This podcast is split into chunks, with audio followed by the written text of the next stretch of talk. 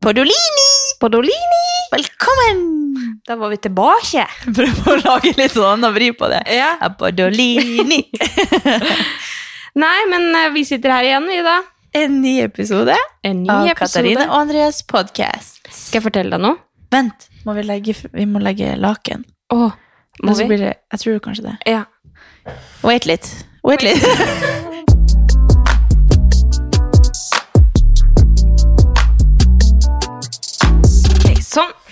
Da har vi hengt opp laken. Så det er det å spille inn hjemme på og ikke ha noe studio å gå til. Så må vi bare legge laken rundt i hele rommet, sånn at det ikke blir så veldig gjenklang. Ja. Ja, funker Sånn bra. Funker bra. Ja. Jeg syns jo det er helt kongelyd, jeg. Ja, ja.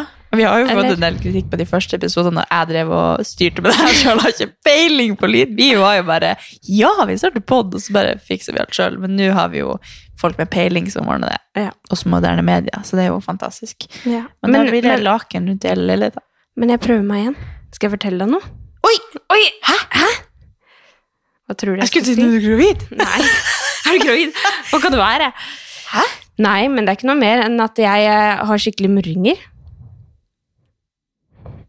Jeg vet ikke hva det betyr. Altså, jeg har jo ikke vært gravid før, men jeg har skikkelig mye vondt i magen.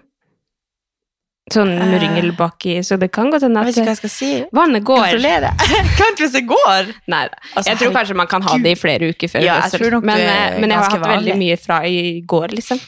Oi! Det er ikke så rart hvis du ikke sover på natten. Nei. Bare oppe og redigerer video på den hele natta. Ah. Men altså, jeg er så spent på Jeg, jeg kan ikke fatte at du skal føde. Men det hadde vært en drøm om jeg bare vannet hadde gått når du var her. Det hadde vært Ja. kjempekoselig. Jeg kan ta henne imot. Ja. Herregud! Ja. Nei, men jeg måtte bare si det. Altså, jeg er så spent på når hun kommer. Ja, det er jeg jo. Ta deg litt knebøy og sånn. Mm. Jeg tenkte på det i dag, for jeg gikk jo en ganske lang tur. Og så Mm. tenkte jeg bare Herregud, det her kan sikkert sette i gang. Men herregud, jeg vet Men du er ikke. Nå tror jeg hun begynner å kjenne på at det er trangt der inne. Hun vil komme ut. At, ja. Ja. Altså, hun graver meg jo langt ned i Ja. Bonanien. Nei da, men det kan godt hende det Det kan godt hende jeg går over tida også. Ja. Men, eh, men det er veldig rart altså, man, at man kjenner at kroppen modnes for at man skal føde, liksom. Ja. Plutselig så stikker det, og så plutselig så Ja. graver det ned i tissen, liksom. Livets treningsøkt blir det. Ja.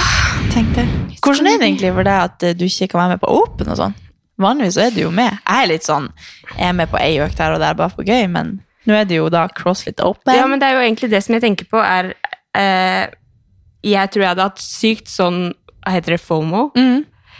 Hvis Det da snakka faktisk om for noen dager siden. ja. Om deg. Hæ? Jeg sa, jeg sa at det må være egentlig helt nydelig for André å være gravid nå, fordi at nå kan du på en måte uansett ikke trene så mye.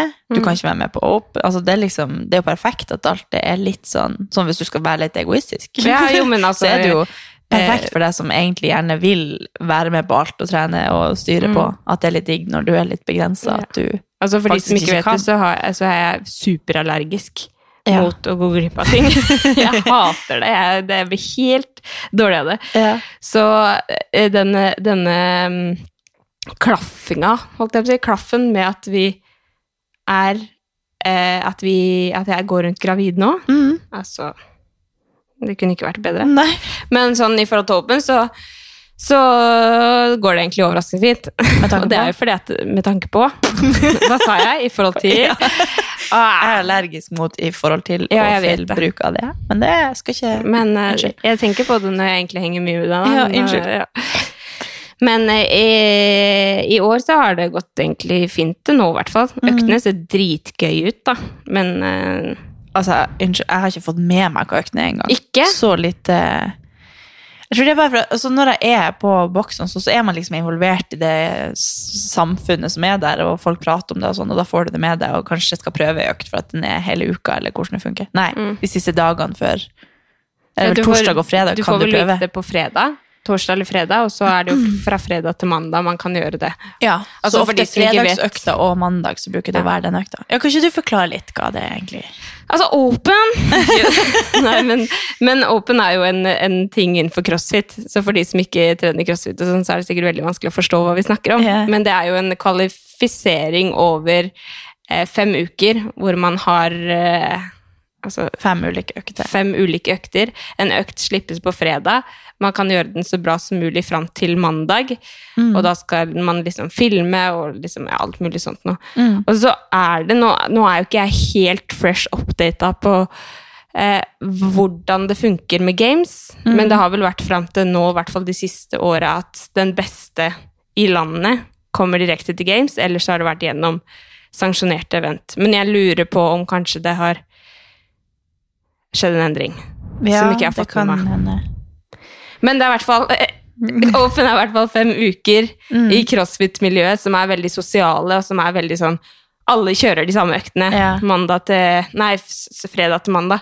Så kjører alle de samme øktene, og det er liksom er du med? Det er det man snakker om de Mm. fem ukene. Og vanligvis når det ikke er stengt ned, sånn som det er nå, sånn, så er det jo eventer knytta til det. Man drar og ser på og heier frem de beste i Norge, og du har liksom sponsorer som er med og heier på, og du har giveaway og liksom konkurranse. Og vi har vært med en del på det gjennom Bearbus og Noco, at vi er og sponser eventer hvor Kristin Holte deltar. Altså vi gjør Mm. mye sånne ting sånn at, eh, for å heie de frem, da. Mm. Og det er jo litt kjipt at det ikke går an i år, da, men da er det jo vanligvis en veldig stor hype rundt Open, og, og sånn som når vi eh, Når jeg også gjorde det noen de siste to-tre årene, kanskje, så har jeg jo vært med bare sånn på gøy, da. Jeg har aldri eh, For du, du logger jo på en måte dine resultater inn i Open på nett nett, eller et eller annet sånt. Men det har jeg aldri gjort, jeg har bare vært med på økta. Men det er jo noe skikkelig gøy med at den kommer på fredag, og så er den som regel på fredagstimen og mandagstimen, kanskje, og så skal du prøve å gjennomføre den flere ganger for å gjøre den prøve å gjøre den bedre, eller du finner liksom en strategi for hvordan du kan klare det litt bedre. eller eller annet Mm. sånt. Og det er jo skikkelig gøy og sånn for de som satser, da. Det er en super, altså fem supersosiale uker. Mm. Men jeg, jeg tror kanskje grunnen til at det har gått så, um, så bra i år, er fordi at det er, det er jo på en måte ikke noe stevning. Eller det er jo ikke noe Nei. boks å gjøre det på. I hvert fall ikke i Oslo, da. Det er sikkert veldig mye rundt omkring dersom ting er åpne og, Mm. Og sånt. Men eh, det, det er jo ikke sånn her. Nei. Men eh, jeg hadde sikkert hatt sykt FOMO hvis jeg ikke Ja. ja. Men da hadde jeg sikkert vært der. Ja. Og sikkert nyte å ikke gjøre økten også på sida. Mm. Men, eh, men ja. Herregud, jeg hadde faktisk en samtale med Jeg facetime med mamma, jeg tror det var på fredag. Mm. Og så spør hun meg ja, men, eh, nei, åssen går det egentlig, liksom, å være så mye hjemme og Jeg føler jeg har snakka så mye om det at jeg har vært så forberedt på at jeg kom til å gå helt på veggen. Ja. Jeg bare Nei, altså, jeg koser meg, liksom. Hun bare Men herregud, så bra. hun var sånn skikkelig ja, men det er jeg jeg hun var skikkelig sjokka Ja. over at jeg var liksom så rolig, og at jeg klarte å slappe av sånn. Jeg tror Ja. seriøst den koronaen her har lært meg ekstremt mye Ja. om meg selv. Ja, men jeg er skikkelig ja. imponert over det. Det var derfor jeg, jeg og Solveig snakka om det. Sånn, for det var et eller annet om Open, så det var sånn Altså, jeg har ikke sett hva de de økte engang. Mm. Så tenkte jeg bare lurer på om du hadde gjort det, eller liksom hvis du hadde vært i Altså kunne gjort doublanders og alt det her. Mm. Men altså bare hvor bra det egentlig er for din del at det ikke er åpent nå og Mm. på gymmen og sånn, men òg bare hvordan du takler det. Ja. Liksom, med tanke på Jeg- ja. Jeg tror veldig mange kanskje har forventa at det kom til å være tøffere for deg, Ja. på, på grunn av det.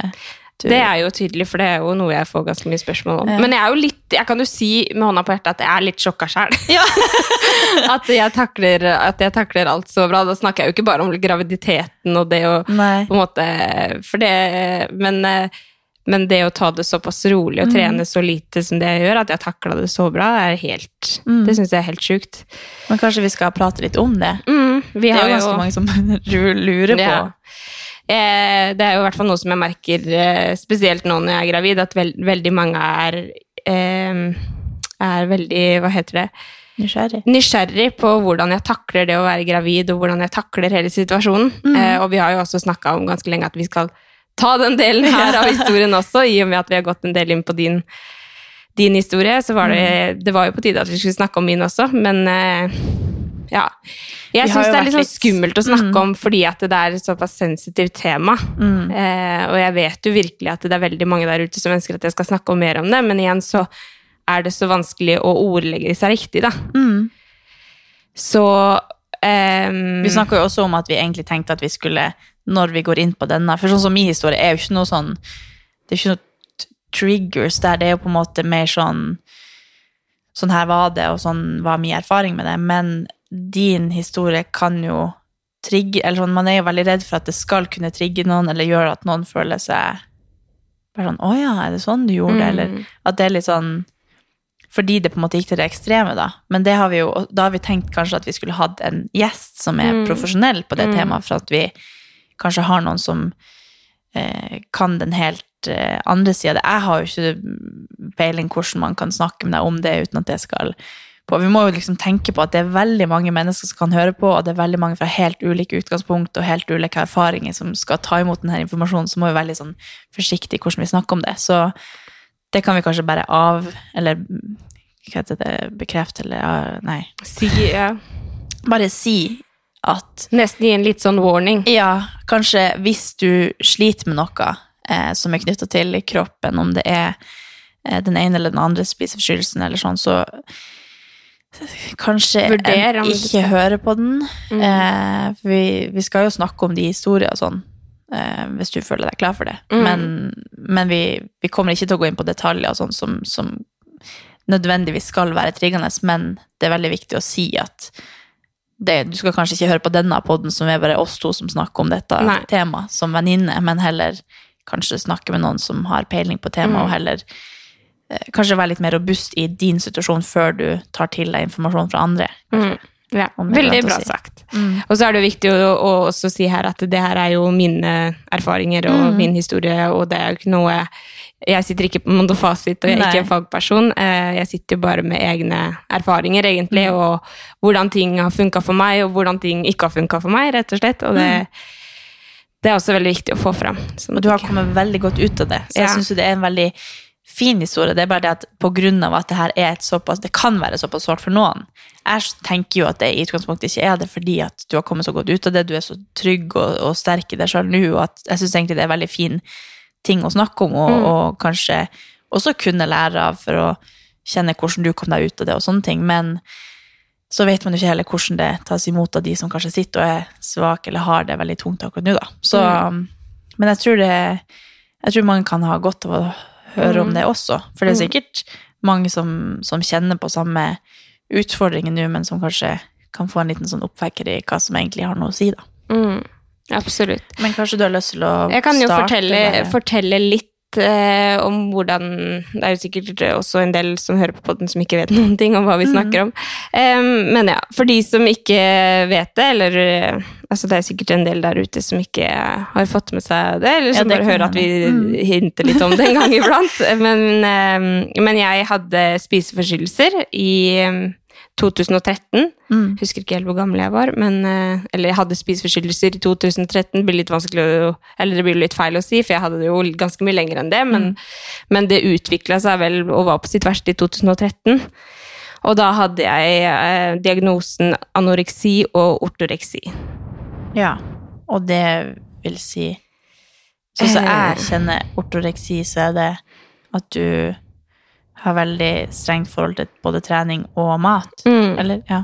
Så det er, jo, det er jo det ekstreme, egentlig, med, med trening og mat. Nå har jeg ikke akkurat fagorda på Nei. hva anoreksi er og ortoreksi, men anoreksi er jo eh, hvor man har et litt sånn fortrengt, for, fortrengt forvrengt syn på, på hvordan man ser ut, da.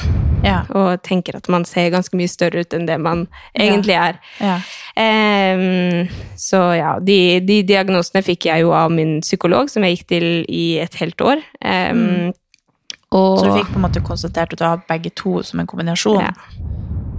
Ja. så du på en måte både så på deg sjøl som eh, at du var enten større enn det du var, eller Men Mm. i tillegg så hadde du veldig anstrengt forhold til at du måtte trene så og så mye. Ja. Mhm.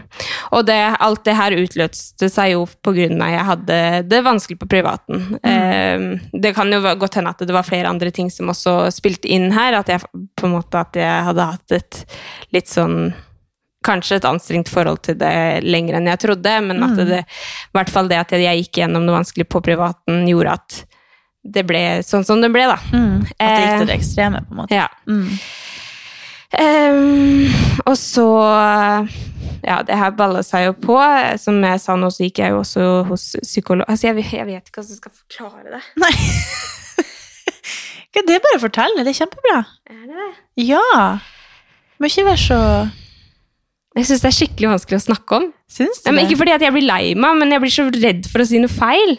Nei, men vi har disclaimer at Eller jeg vet ikke hva det heter. At det, du, du har kun de erfaring. Ja, Og det er ikke noe galt i å si jeg, jeg jeg føler jeg er sånn munnkurv. Sånn, jeg må holde meg innenfor disse firkantene. Nei, ikke bare vi, okay. vi, vi kommer til å klippe bort hvis det er noen ting som vi føler er feil. Ja. Jeg tror det er litt bedre kanskje å høre på det i ettertid. Vi har jo, som nevnt, vært veldig avventende med denne episoden fordi vi ikke vet helt hvordan vi skal ta den. Ja.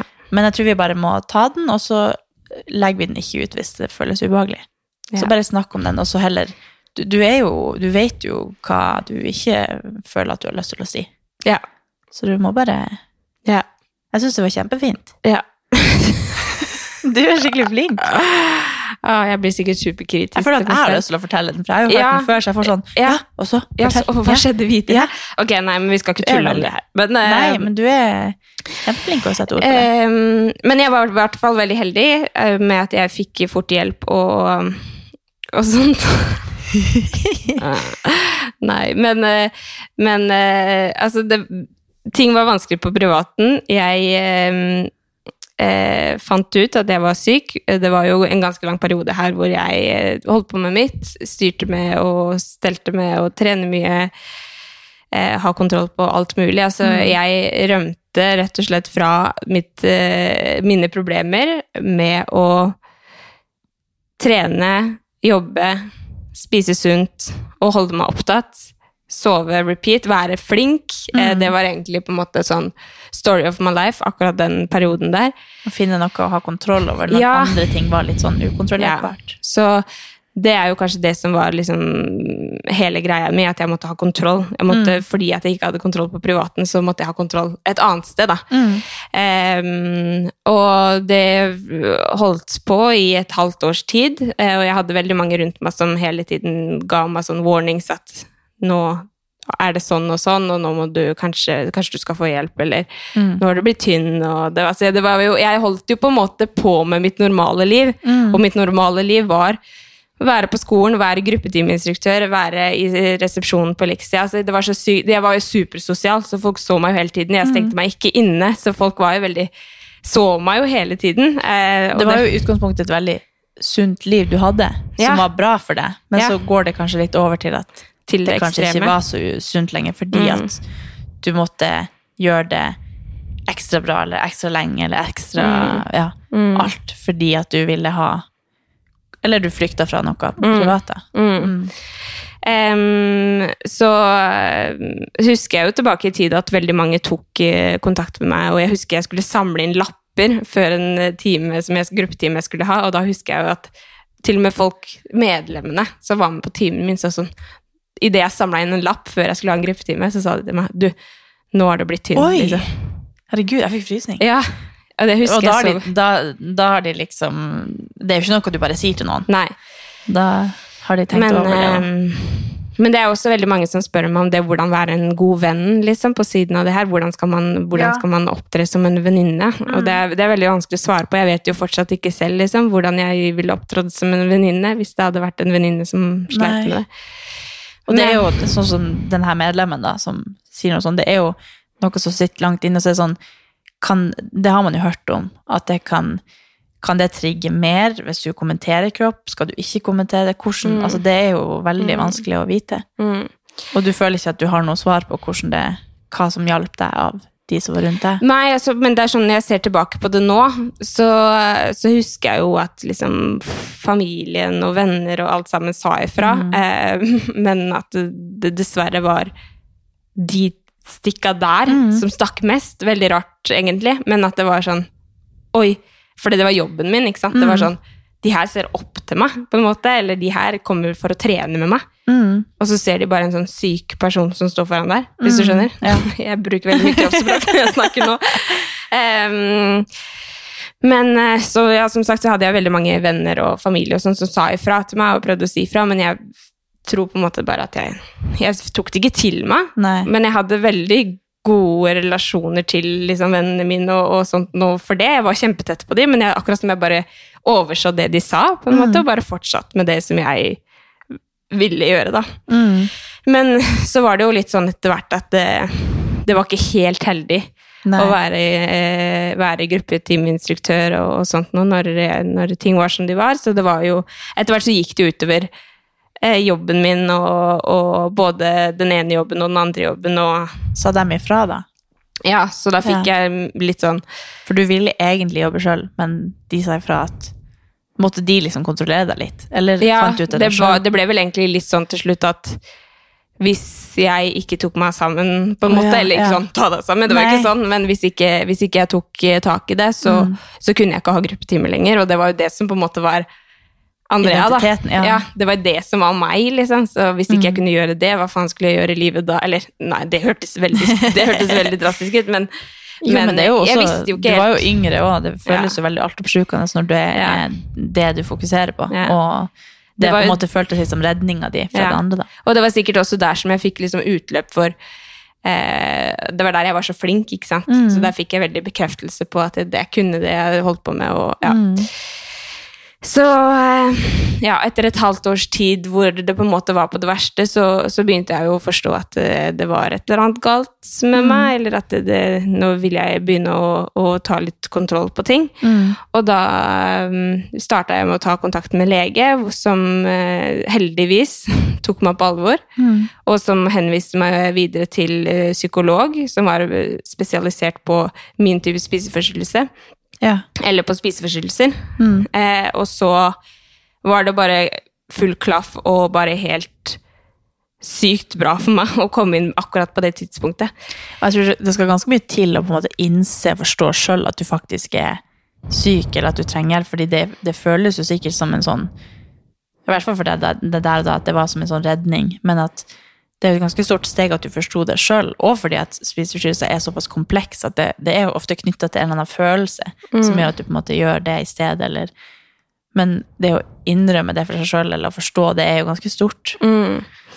Så, uh, Så ja, altså, det det er jo det, det er det ja. kvarteret du har et svakt øyeblikk som du Mm. bestiller den legetimen, og heldigvis, når du er så der også, så Mm. er du ærlig, liksom. Mm. Så, men jeg hadde jo også veldig bra støtteapparat rundt meg, Mm. som pusha på. Jeg har en mamma som jobber eh, innenfor eh, psykologi, Mm. si, som jobber med mennesker på ulike måter, og hun, eh, hun opptrådde veldig riktig, da Ja. på det tids... Eller gjennom hele den perioden her, så det gjorde jo at også jeg, jeg gikk riktig vei, da, Mm. egentlig, rett og slett. Men eh, ja, så jeg begynte eh, å gå i Og da var jeg jo allerede på bedringens vei, egentlig, når jeg hadde forstått at jeg var syk, og at jeg måtte bli bedre. Mm. Eh, så Eller at jeg måtte ta meg litt sammen. Så, så hadde jeg jo allerede forstått hvor syk jeg var, og hvor mye på en måte jeg hadde fucka opp, da, Mm. hvis det går an å si det. Mm. For jeg følte egentlig at jeg hadde det, for det, for meg når jeg var syk, så gikk det jo ikke bare utover meg selv. Nei. Det gikk jo utover ganske mange altså, Jeg har jo søsken, og jeg har jo foreldre, og jeg har jo Mm. besteforeldre. Altså, det er jo så sykt mange som, som, eh, som det gikk utover, da. Egentlig arbeidsplassen min og, og Ja. sånt. Så, um, så jeg var jo allerede Jeg husker jeg hadde den samtalen med mamma og pappa hvor jeg bare De spurte jeg hva vil du egentlig? Ja. Så sa jeg bare jeg vil bli frisk. Nå vil jeg bare liksom få orden på livet igjen, liksom. Mm. Så ja. Jeg begynte i eh, terapi, og der gikk jeg i Jeg tror det var ett år, Mm. faktisk. Eh, Hver uke, da, eller? Ja. Jeg lurer på om jeg hadde to timer i uka i starten, og så Mm. gikk jeg liksom gradvis over til én time i uka. Mm. Og som sagt så var det veldig bra for meg at jeg var så innstilt på at jeg ville bli frisk, da. Mm. Eh, og at eh, jeg traff hun, for hun var veldig sånn som Som eh, Hun sa liksom veldig mye riktig. Altså, det, det hjalp veldig at jeg var såpass motivert at jeg Mm. virkelig ønska å bli frisk, men Mm. Men eh, Men følte du på en måte at det Idet du kom inn der og snakka med de og sånn, følte du at det på en måte skjedde noe med en gang, eller tok det ganske lang tid før du faktisk tok grep for å bli friskere? Nei, altså da hadde jeg jo på en måte gått i min egen boble i så og så lang tid, da. Eh, som jeg tror egentlig ikke et halvt år for en med spiseforstyrrelser er lenge i det hele tatt. Mm. Men, eh, men på det liksom, nivået som jeg var syk, så var det lenge nok, på en Mm. måte. Men eh, Eh, hva var det du spurte om? om? Nei, om du på en måte For jeg prøver liksom å sette meg inn i hvordan det var å være deg når du, du har liksom forstått at du er syk, Ja. og så kommer du inn der, og så Mm. får du bes- eller snakker med henne, hun sier liksom rette ting. Er det sånn at du da drar hjem og tar grep med en gang? Eller hvordan Nei, altså, det, er Funker veldig, liksom den det var en veldig sånn lang prosess. Mm. Eh, det var eh, Altså, nei, absolutt ikke. Det hjelper liksom først at du Nei. jobber der rundt Ja. og får en forståelse for det, og så tar du grep? Mm. Eller, ja. Og det var ikke sånn knips så ble jeg frisk, eller knips det var, det var litt sånn knips at nå, ok, nå vil jeg ta tak i det her. Mm. Det var det absolutt, og det tror jeg er en veldig sånn helomvending for de som sliter, da. Mm. Men, eh, men man blir ikke Eller man blir. Jeg, jeg ble ikke frisk på en, en time hos psykolog, og jeg ble ikke frisk på en, et år hos psykolog heller. Det, tar, det har jo tatt veldig mye lengre tid enn det. Mm. Ja, for det er jo liksom Men- heltid aktive valg for at du skal Mm. være frisk. Men når, jeg føler at det, det er liksom så komplekst at det, det er jo du, du må jo på en måte ta alle de valgene sjøl. Mm. Det er ikke sånn at noen kan ta de for deg. Du Nei. må jo på en måte Det er jo du som lever ditt liv. Du må jo Mm. velge sjøl å, å roe ned og, og få i deg mer mat, eller hvordan det Mm. funker. Ja, men eh, jeg husker i hvert fall eh, de første timene hos psykolog, så tror jeg jo absolutt ikke at jeg var sånn kjempeærlig. Nei. Det var jo veldig rart. Herregud, jo så interessant det hadde vært å, å, være, å kunne se på klipp av de Mm. timene, for eksempel. Mm, For deg sjøl. Bare sånn ja, ja. Hva sa du egentlig? Ja. Sånn nå i lang tid etterpå. Altså det jo, jeg husker jo veldig mye faktisk fra de timene. Ja. Og jeg kan ikke si det her engang, liksom, for det er så sjukt liksom, Ja. hvordan hodet mitt fungerte. Mm. Men, eh, men jeg husker i hvert fall at, at det var sånn at jeg, jeg hadde veldig mye sånn ønsketenkninger, og jeg hadde sånn Jeg vet, visste hva psykologen ville høre, på en måte. Mm. Og så tror jeg det på en måte hjalp meg, for da visste jeg jo hva hun egentlig ville at jeg skulle gjøre. Eh, Mm. og så kan det jo godt hende at jeg av og til sa at ja, ja, men jeg har gjort det og det og det. Og så har jeg ikke gjort det, Nei. men jeg visste at det var det som var riktig, mm. hvis du skjønner. Eh, men jeg Men det er jo bra at du også kanskje forsto hva du egentlig burde gjøre, Ja. for at du, skulle at du i hvert fall visste det, at det Ja. var ikke helt fjernt, eller Jeg tror nok det kanskje er en prosess for mange i, hos, når de er hos en psykolog. At de Mm. kanskje liksom tenker De vet på en måte hva psykologen Mm. vil at du skal si, mm og det, uten at man liksom gjør akkurat det, men at man sier at man gjør det. Mm. Men eh, jeg hadde også med meg mamma, husker jeg, på time nummer tre eller noe. Og da fikk Ja. vi jo Da ble det jo litt mer sånn ærlighetens time, og Mm. fikk gravd litt sånn dypere og ja. Men eh, jeg, er, jeg er bare så sykt takknemlig for at jeg fikk hjelp, og at jeg fikk så Mm. bra hjelp, og at, at eh, jeg faktisk Altså, takk Gud for at jeg, hodet mitt fungerer sånn som det gjør. Mm. Fordi at det, hvis ikke så hadde jeg ikke vært så jævlig sta, eller så, så liksom klar for å bli frisk. For det Mm. er jo veldig sånn opp og ned og frem og tilbake, og Mm. gi slipp på en kontroll som du har bygd opp, som du har et fantastisk liv, på en måte som du tror er Det føles som fantastisk, men som er kjempekjipt og ensomt, liksom. Mm. Men eh, ja, jeg gikk i hvert fall hos psykolog da i et års tid. Og det husker jeg hun sa til meg liksom, når vi nærma oss de siste timene, at nå føler jeg du er på bedringens vei. Liksom. Og jeg husker jo liksom fra første time jeg hadde til siste time vi hadde, at herregud, for en, for en liksom, reise jeg hadde hatt. Jeg hadde, jeg hadde vært dritflink, liksom. Jeg hadde jo tatt skikkelig tak i det. Jeg var langt ifra frisk, men jeg var virkelig på bedringens vei. Og da hus men jeg husker at når du sa det, så var jeg sånn Shit, skal jeg klare meg på egen hånd nå? Ja. Liksom. Men, eh, men det har jo gått fint, da. Ja, du har jo kommet veldig sterkt ut av det. Ja. Og det er jo ganske Jeg tror Altså, det er jo rart hvis det på en måte ikke alltid henger litt med deg, at du liksom Mm. vet hvordan det opplevdes, og hvordan du kom det, det er jo deg, så det er jo Mm. noe du hele tida Mm. Sikkert må ta aktive valg for å ikke falle tilbake på, eller Mm. Men det er jo en ekstrem påkjenning for kroppen, og i hvert fall Mm. for hodet. At, yeah.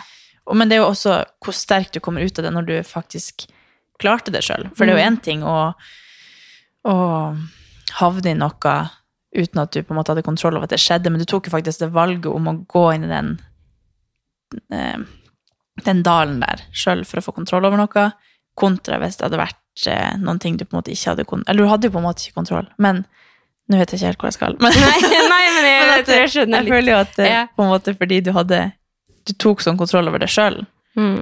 så hadde du også veldig Det sier jo litt om personligheten din, da. At du hadde jo veldig grunnlag for at du skulle komme sterkt ut av det. Mm.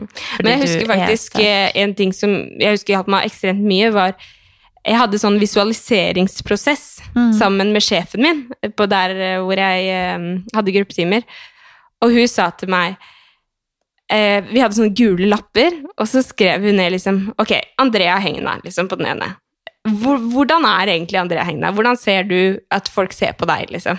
Mm. Og så måtte jeg liksom si at ja, jeg tror folk ser på meg som en sånn blid jente med masse energi, og liksom sånt noe. Og så var det sånn Ok, men hva er din favorittbukse?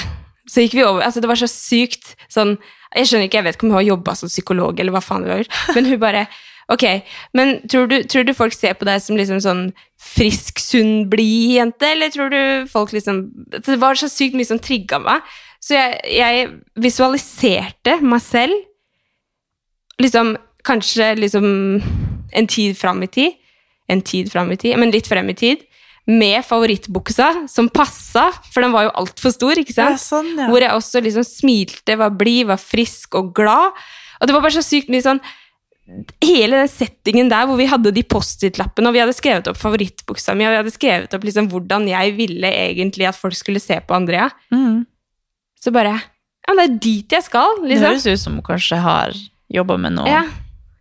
Men, eh, pedagogikk, eller ja. ja. Det var faktisk ikke psykologen, det var sjefen min. Ja. liksom, Men, Men Men kanskje det det, er en jeg. fin oppgave for folk å gjøre, da, Ja. hvis man kjenner at man sliter med et eller annet. mm, At man skal visualisere seg sjøl som den beste personen man vil bli, og så mm. hele tida jobbe seg mot For da har du liksom et bilde av hva den personen egentlig Ja. er. Så tar du liksom aktive Ja. valg for å bli den, da. og da var jeg jo litt sånn Jeg så jo på meg selv som en sånn derre Litt sånn grå mus. Eller sånn Mhm. skrøpelig liten sånn usunn ting, på en Mhm. måte. Det høres jo superdrastisk ut, men, men det var sånn jeg så på meg selv når jeg hadde forstått at jeg var sjuk, da. Mm.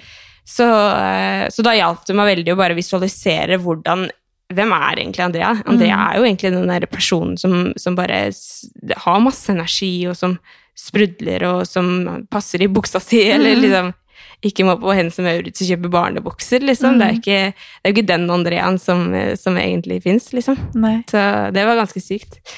Ja, jeg tror Men- veldig mange, etter at du ble frisk, så på deg som akkurat den der som du ville bli. Så du nådde jo Du, du ble jo Mm.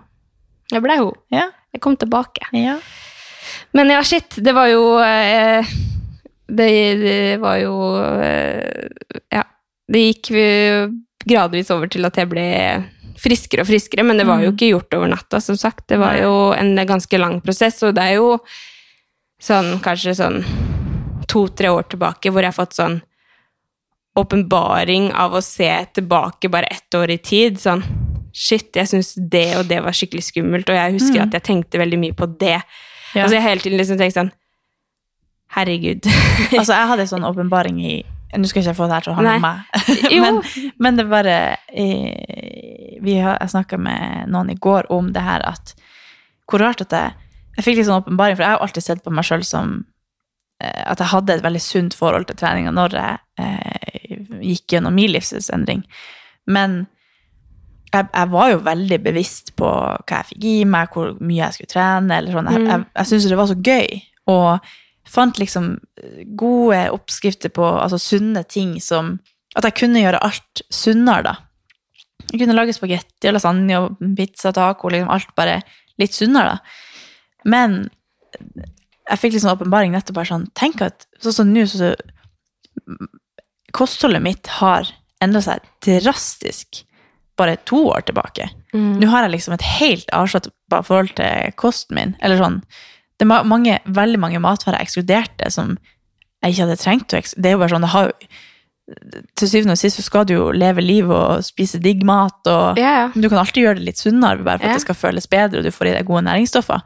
Men jeg får også veldig mange spørsmål fra folk som har sånn Hvordan kan jeg endre på kosten min for Nei, endre på uh, At det er veldig mange som har et anstrengt forhold til det. Da, at, det at det går fra det sunne til det usunne som, som på en måte det, som skjedde for deg. Men det skjedde jo egentlig litt for meg òg. Mm. Når jeg har tenkt Jeg hadde en sånn åpenbaring nå når jeg snakka med noen om det.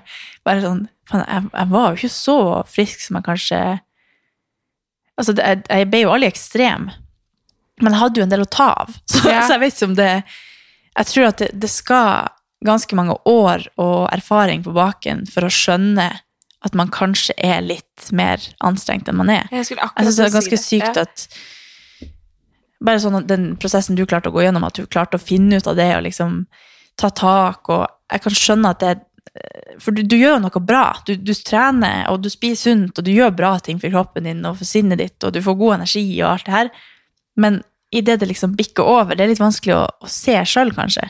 Mm. Og kanskje for de rundt òg, for du gjør bare bra ting. og husker mamma var liksom 'Må ikke du bli Må ikke du Så hun var jo veldig sånn, da tenkte jeg bare herregud, nei, jeg er jo ikke nær Altså, jeg koser meg bare, har det bare kjempebra. Altså, Men for, my, for mye av det sunne kan gå over til Ja. å bli eh, usunt, på en måte. Det er vel det som på en måte er litt av definisjonen på ortoreksi, tror jeg. Mm. Nå vet jeg ikke helt, men det, det gir jo mening hvis det er liksom sunn mat og trening er jo en bra ting, men så går det over til at Mm. Og, og jeg husker at jeg lærte hva ortoreksi var mens jeg holdt på, og var liksom sånn Nei, men jeg spiser jo yoghurtnøtter, og mm. var liksom, jeg spiste jo sjokolade, og, men jeg var jo veldig sånn eh, motivert og skikkelig eh, engasjert i å bli sterkere og finne ut liksom hvordan jeg kunne gjøre det enda bedre, eller, men, men det kan jo veldig lett tippe over. Så jeg tror jo det skal ganske mye selvgranskning og selvrealisering til, og kanskje litt år. Altså å lære seg å kjenne seg sjøl og hvordan man egentlig håndterer ting, eller om, om det kanskje ligger noe negativt bak, eller at kanskje for meg som alltid har følt meg litt større, kanskje det egentlig lå litt sånn negative følelser bak som gjorde at jeg var så motivert. Mm. Men det, det er jo ikke nødvendigvis bra når, du, når det blir altoppslukende, for det skal det jo ikke være. Du skal gjøre det som en bonus, og det skal være um, en, en ting du på en måte legger til i livet ditt for at du skal ha det litt bedre. Men når det gjør at du på en måte gjør det på bekostning av andre eller deg sjøl eller eh, maten din eller trening, at du gjør det så ekstremt bare for at du skal oppnå litt til, så er det litt sånn Jeg tror kanskje korona har hjulpet litt for min egen del å skjønne det, for mm. nå har jeg ikke samme eh, forhold til trening at jeg liksom har skjønt at ja, men for meg har jo treninga i det siste vært veldig at eh, det er det sosiale og det her som er det viktigste, da. Og at derfor har jeg ikke den samme motivasjonen, men samtidig så, jeg, så gjør jeg det fordi at jeg kjenner at det er så bra for helsa mi. Men jeg har liksom skjønt litt at den her eh, ekstreme treningsmengden, som ikke er ekstrem, men kanskje hadde jo Altså, jeg gjorde jo veldig mye for at jeg syntes det var så gøy, Mm. men, men det kan jo lett bikke over. Mm. Og nå at man kanskje har skjønt at det finnes større ting, og se det liksom i det større bildet, at meg og min trening er ikke det viktigste. Det viktigste er at jeg trener for å ha det bra, for å gi vennene mine og samboeren min og familien min god energi tilbake. Mm. Nå tok jeg en stor rant på meg sjøl. Jo, men, jo, men det er jo, kjempe, det er jo kjempebra. Men jeg syns det er et skikkelig interessant tema, Mm. hvordan det så lett kan bikke over, at det er så vanskelig å egentlig se det sjøl. Ja, for det er jo litt sånn som du sier, at du, du trener, du spiser sunt, du gjør jo egentlig det som etter boka er bra, på en måte. Og så hvordan det gradvis bare går over til at det blir usunt, da. Eh, Og og at man får dårlig samvittighet og sånne Ja. ting. Som, Å, du skal aldri ha dårlig samvittighet. Tenk hvor ja. Tenk så mye dårlig samvittighet. Ja, Å, fy fader. men jeg tenker også bare sånn eh, Jeg har liksom vært sånn Tenk så mange ganger jeg har tenkt på meg sjøl som noe stygt, vet du skjønner, i løpet av livet mitt. Hvor fett unødvendig det ja, er. bortkasta. Tenk, tenk så fint du ser på meg. Ja. Så, som tenk hvis jeg bare kunne sett meg sjøl i dine øyne. Ja. Eller på trening, da. At tenk så mye tid jeg har brukt på å tenke sånn Å nei, nå har jeg en dårlig økt. Så kjipt. Ja. Og så sånn Faen, eh, broren min, eller Beroen. Beroen. De, han trener jo. Han har det jo fantastisk, men han trener jo ikke sånn som jeg gjør. Han, han går turer og liksom går på fjellet og Jeg tror nyter vi, livet. vi mennesker, vi tenker altfor mye. Jeg er bare sånn vi bare Faen, hvor mye Skal aldri bruke energi på det igjen. Nei. Men altså, Det det, er jo sånn som jeg ser på meg tilbake i den perioden her, at jeg, jeg føler at jeg levde et liv Eller jeg følte at jeg var i min egen boble, og så var livet mitt på siden, hvis du Ja. skjønner. Mm. At der sto jeg stille, mens jeg bare fortsatte med mitt, liksom. Det er veldig, veldig merkelig. Mm. Um, men det har også vært noe som har vært veldig viktig for meg i ettertid, er jo det derre å normalisere.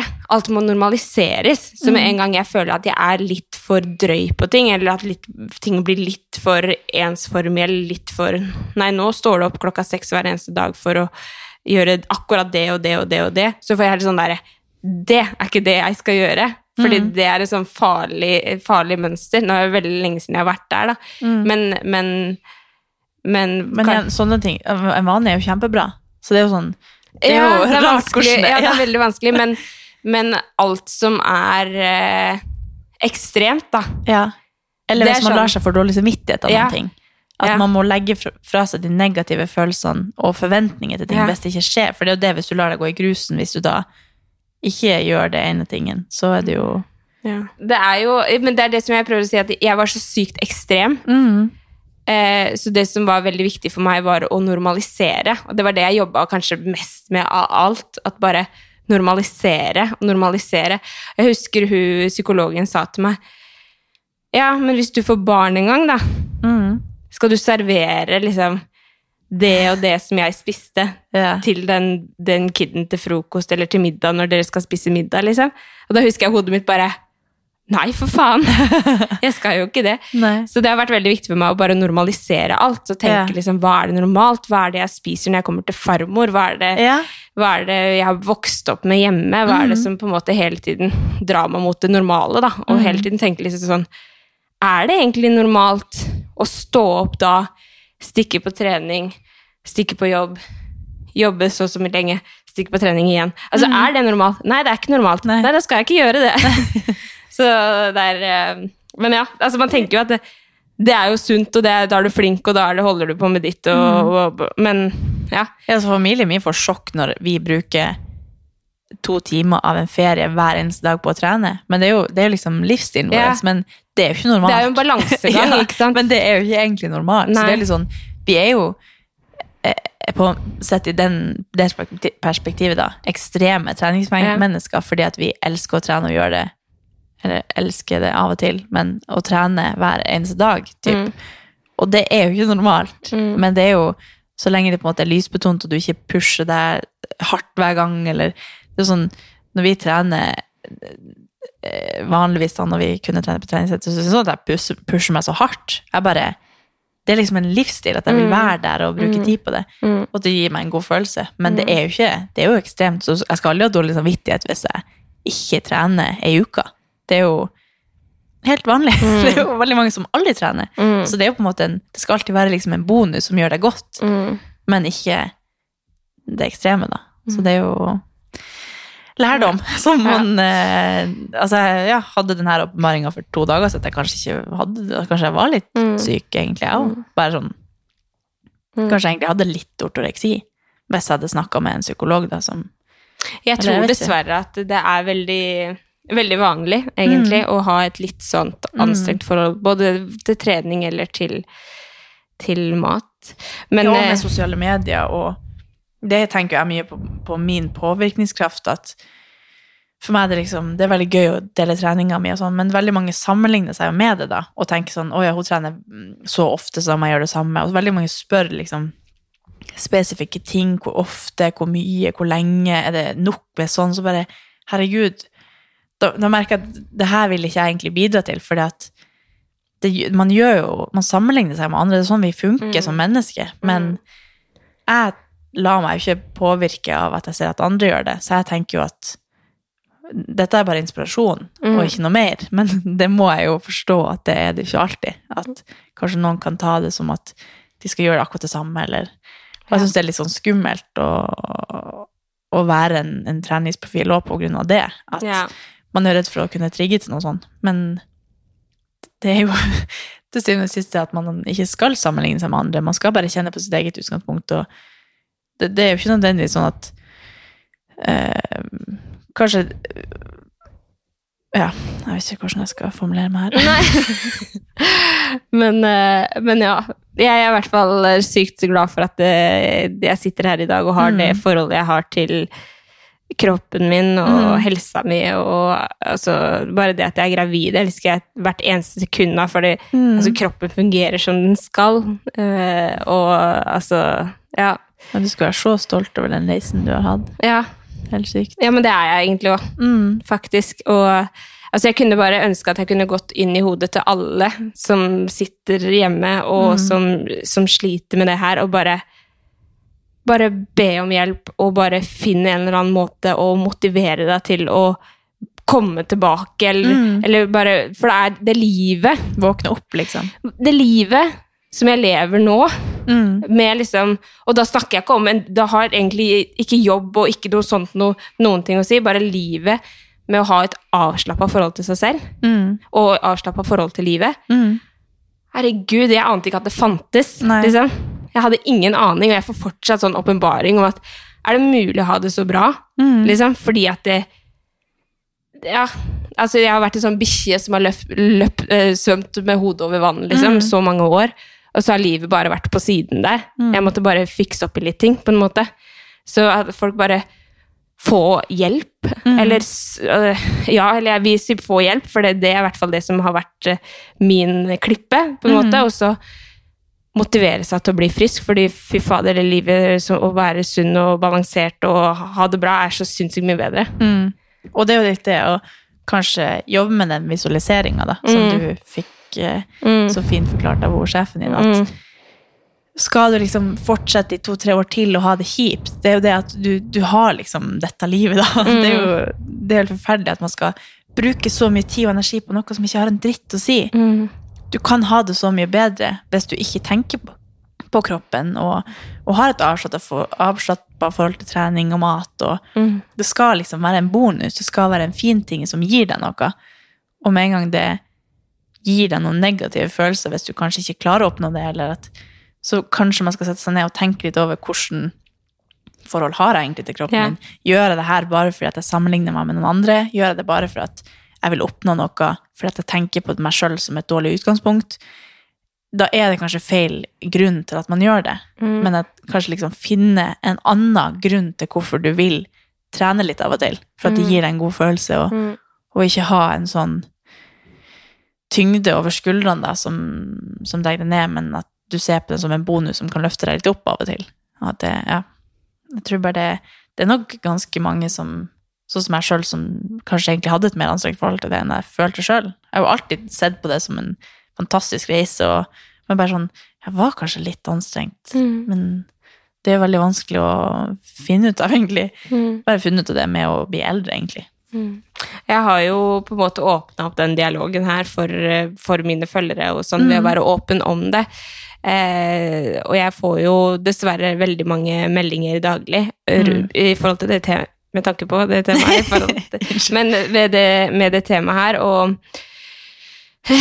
Ja, det er jo, det er jo dessverre veldig vanlig. Mm. Det, men eh, jeg tror det bare er veldig viktig at folk forstår at det er at det er et liv utenom altså, holdt jeg på å si, at, at det er så sinnssykt eh, mange som kommer seg ut av det. Mm. Og Hvis du hadde møtt deg sjøl nå, som Mm. sto på gruppetimen der, og var en Du kjente jo kanskje hvis, Eller hvis du vet det er deg sjøl, hva ville du kanskje sagt? Og det er, det er så sinnssykt vanskelig. Ja. Men hvis man, hvis man tenker på de som kanskje Hvis en også hører på og tenker at de ikke helt skjønner at dette er noe som holder på å gå over til det usunne mm. Noe sånn noe du kanskje, Lærte du noe av psykologen som kanskje du har jo Nei, men altså det som kanskje var sånn faretegn, var jo eh, det at man eh, Om man selv merker at man eh, trekker seg unna sosiale settinger, Mm. at man skipper middag med venninner, med familie, at man heller velger å være hjemme en kveld fordi at jeg vil lage den eller den retten, for da har jeg kontroll på det. Mm. At det kanskje er et sånn faretegn på at nå begynner det kanskje å bikke over til det ekstreme. Mm. Um, men hva jeg ville sagt til den personen, er veldig vanskelig, fordi at um, For det første så vil man kanskje ikke påpeke noe. hos Men jeg tenkte egentlig bare til deg sjøl, hvis du hadde møtt deg sjøl nå og kunne Å, ja. sagt noe til deg sjøl. Jeg sa det veldig dårlig. ja. Og det er så vanskelig å si. Men eh, egentlig kanskje det jeg sa i stad, med at eh, med at det fins et liv som er så Mm. sinnssykt mye bedre. Mm. Eh, og at eh, Altså, et liv uten alle disse tvangstankene og det evige jaget med å være så jævlig flink hele tida Mm. og spise så forbanna sunt. Altså, tenk så mye man går glipp av. Mm. Og bare at jeg kunne Bare at den personen kunne fortalt meg at du kan sitte i familieselskapet ditt, eller med familien din, som er det beste jeg vet, Mm. og kose deg, Mm. istedenfor å være stressa over at den kaka kommer på bordet, liksom. Mm. Så hvis én person med en skikkelig påvirkningskraft på meg kunne fortalt meg det der og da, Mm. en eller annen person som jeg så opp til, eller et eller annet, så hadde det sikkert kanskje snudd Mm. hodet mitt litt uh, kjappere, på en måte. Det er helt eh, Å se liksom å, å kunne se tilbake på Jeg tenker ofte sånn at jeg skal se tilbake på nå og være stolt over det jeg gjør nå, Mm. hvis du skjønner, om tre år. Fordi det gjør meg på en måte litt bevisst på hva jeg egentlig driver på med, hvis du skjønner. Og kanskje det, det er jo det du på en måte sier, at hvis, hvis du kan se for deg sjøl om tre år, da, som er der du vil være, og så se tilbake på det du holder på med nå, og være stolt over det, og kunne rope høyt om det, og være stolt over det hvis det var din egen datter, eller altså sånne ting, så gjør jo det at man kanskje klarer å se seg sjøl litt utenfra. Mm. Det var egentlig veldig lurt. Mm.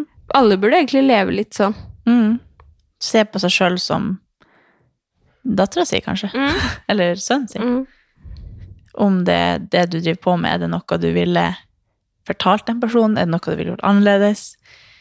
For å kanskje Ikke for å komme dit du vil. Jeg, har jo aldri, jeg tenker ikke at jeg vet hva jeg vil om tre år, men det at jeg vet at det jeg gjør nå, er jeg stolt over, og vet at det gjør at jeg har det bra nå. Jeg skal ikke se tilbake på disse årene og tenke at dette, disse årene burde jeg brukt annerledes. Det vil jeg ikke gjøre. Men shit. Jeg tror, jo, jeg tror jo faktisk at det vi har snakka om i dag, er veldig relevant for oss, og spesielt tida vi er i. Og at veldig mange Altså, jeg delte for et år siden eh, Så delte jeg jo en video om spiseforstyrrelsene, og hvor jeg åpna litt opp eh, om det. Og da tenkte jeg akkurat det samme som jeg tenker nå, at det er så sykt relevant fordi vi er i en sånn litt skummel periode Mm. hvor treningssenteret er stengt, og folk isolis, isol, Isolerer. isoler, isoliserer, isolerer seg og ikke kan være sosiale, og liksom alt, alt det her er jo sånn på en måte farlig for, for en Eller for Det hadde vært farlig for meg, i hvert fall, Mm. når jeg var i den situasjonen. Ja, det er lett å Så- gjemme seg bort og Det er rett og, lett å gå til sine egne rutiner og sin kontroll og, og ja. Og jeg kan jo tenke meg hvis jeg hadde eh, vært eh, i den, de skoene du var i, Mm. som hvis man skal tenke på hvordan man kunne sagt noe til den personen for å hjelpe, sånn, det har ikke vi peiling på. Jeg klarer ikke å se for meg hvor, hva som på en måte kan hjelpe. Jeg tror Nei. det bare må til at man sjøl skjønner det, Ja. nesten. ja, det var helt klart. For det er, jo, det er jo litt sånn som jeg sa i den Eller sånn som jeg sa at eh, man må nødt til å skjønne det selv. Mm. For det, sånn er det jo med, med alt, egentlig, her i verden. Og det er jo en ganske stor og vanskelig oppgave, Ja. så det er jo ikke rart at det er veldig mange som har Nei. det problemet. Mm. Men det å bare føle at man er frisk og, og sunn og sånn, er, eh, det er veldig viktig å forstå viktigheten med det, da. Mm. Så Så må man jo hele tida ta aktive valg for å, at man sjøl skal ha det bra. Og så Mm. kanskje tenke litt gjennom hva er det man Man vet kanskje ikke hva man vil, eller hvor man tenker man skal, eller hvordan man skal komme seg ut av det, Mm. men alle valg vi tar, ha, tar vi sjøl. Det er Mm. liksom Det er ingen som gjør det for deg. Du må alltid bare tenke er dette egentlig bra, eller mm. Ja. Mm. Shit. Bra. Psykologtime med oss. Psykologtime med oss. Men eh, i hvert fall alle som eh, hører på, og som kanskje sliter med et eller annet, så er det jo alltid mulighet for å få hjelp. Mm. Enten via fastlege, og det vet jeg dessverre er, eh, kan være utfordrende å få, eh, å få hjelp via fastlege, men prøve å stå på sitt. Eller så har man jo også eh, helsesøster på skole, skolepsykologer, og så har man jo også nettsider og Mm. eh, ulike eh, telefoner, hjelpetelefoner som man kan ta kontakt med. Så, Jeg tror uansett det viktigste er å ikke gi opp på det, Ja. for det er helsa mm, det har med å gjøre. Og, Mm. og kanskje eh, kanskje det er vanskelig å snakke med venninne eller en samboer eller eh, familie og sånn, men, men jeg tror også at det, det gjør jo når, du, når man bærer på noe sjøl, så gjør det jo at du på en måte trekker deg litt sjøl unna, uten at du kanskje prøver å vise det, men jeg tror jo at med å på en måte være åpen om noe, selv om det er kjipt og vanskelig, så kommer du så mye nærmere. Mm. Og det, det er alltid Jeg kan ikke tro at det ikke er noe bedre At det er bedre å bære på noe sjøl enn å få noen å snakke med det om. Mm. Du, du lemper ikke en byrde over på noen andre. Du bare letter på trykket, Mm. som gjør at du kanskje kan få noen innspill fra noen som kan hjelpe deg, Mm. og få den hjelpa du trenger. Mm. Så jeg tror jo bare prøve Ikke nøle, og ikke, ikke, ikke være redd for å spørre om hjelp, og ikke være redd for å, for å mase. Nei. Altså hvis du kjenner at nå har jeg fått nok, så, så bare Altså ring alt du kan. Mm. Ring, bare få den hjelpa du trenger for å få hjelp. Og helsevesenet er pressa, Ja. så man kan ikke bare forvente at de skal Å, lenge ringer du? Kom Mm. nå! Eller sånn. Man Mm. må jo bare pushe de. Og så er det også veldig viktig å huske at, få hjelp om man trenger. eh, at eh, den største jobben skal man også gjøre selv. Mm. At ikke det er noen andre som skal gjøre noe jobb for deg, men som kan hjelpe deg på veien. Men det er veldig viktig at man også er innstilt på at man skal gjøre en, Mm. en jobb sjøl. Det skjer ingenting hvis man ikke Nei. gjør det. Ok, da var historien lagt på bordet. Ja. Litt sånn kjapt, men Jeg syns du er veldig flink til å prate om det. Og hvis man vil, så kan man jo også høre den podden du gjorde med Inspirasjonspodden, var det det? utviklingspodden. Utviklingspodden. Mm. Og YouTuben din, som du har lagt ut. Og så Ja. Man kan sende noen spørsmål, kanskje, hvis vi skal ha en Ja. oppfølgingsepisode, kanskje med en person som kan dette, Ja. eller noe sånt. Så man kan, eh, hvis det er noen spesifikke ting dere vil eh, lurer på, eller vil at vi skal snakke mer om, eller sånn, så kan dere gjerne sende inn det, så skal vi ta det til vurdering Ja. eh, om vi skal snakke mer om det, eller om det blir med dette, da. Ja. Men det er veldig fint å høre hvordan dere tenker om det, om hva dere syns om episoden og sånn òg. Ja. Så ja. Tusen takk for nå. Takk for, for- at du er så fin og åpen. Å, Det, er, det tror jeg er viktig. ja, det Og ble litt grann Jeg er veldig stolt over hvor langt du har kommet. Du er Takk. jo i stjerna. Takk. Det føles okay. veldig godt. Men jeg uh, ble litt sur inni der, men det er sånn det er sånn det er. Jeg synes, som sagt at det er veldig vanskelig å snakke om, men det går bra når jeg kommer inn i det. Ja, Ja. Ok, vi snakkes om en uke. Ja. Ha det.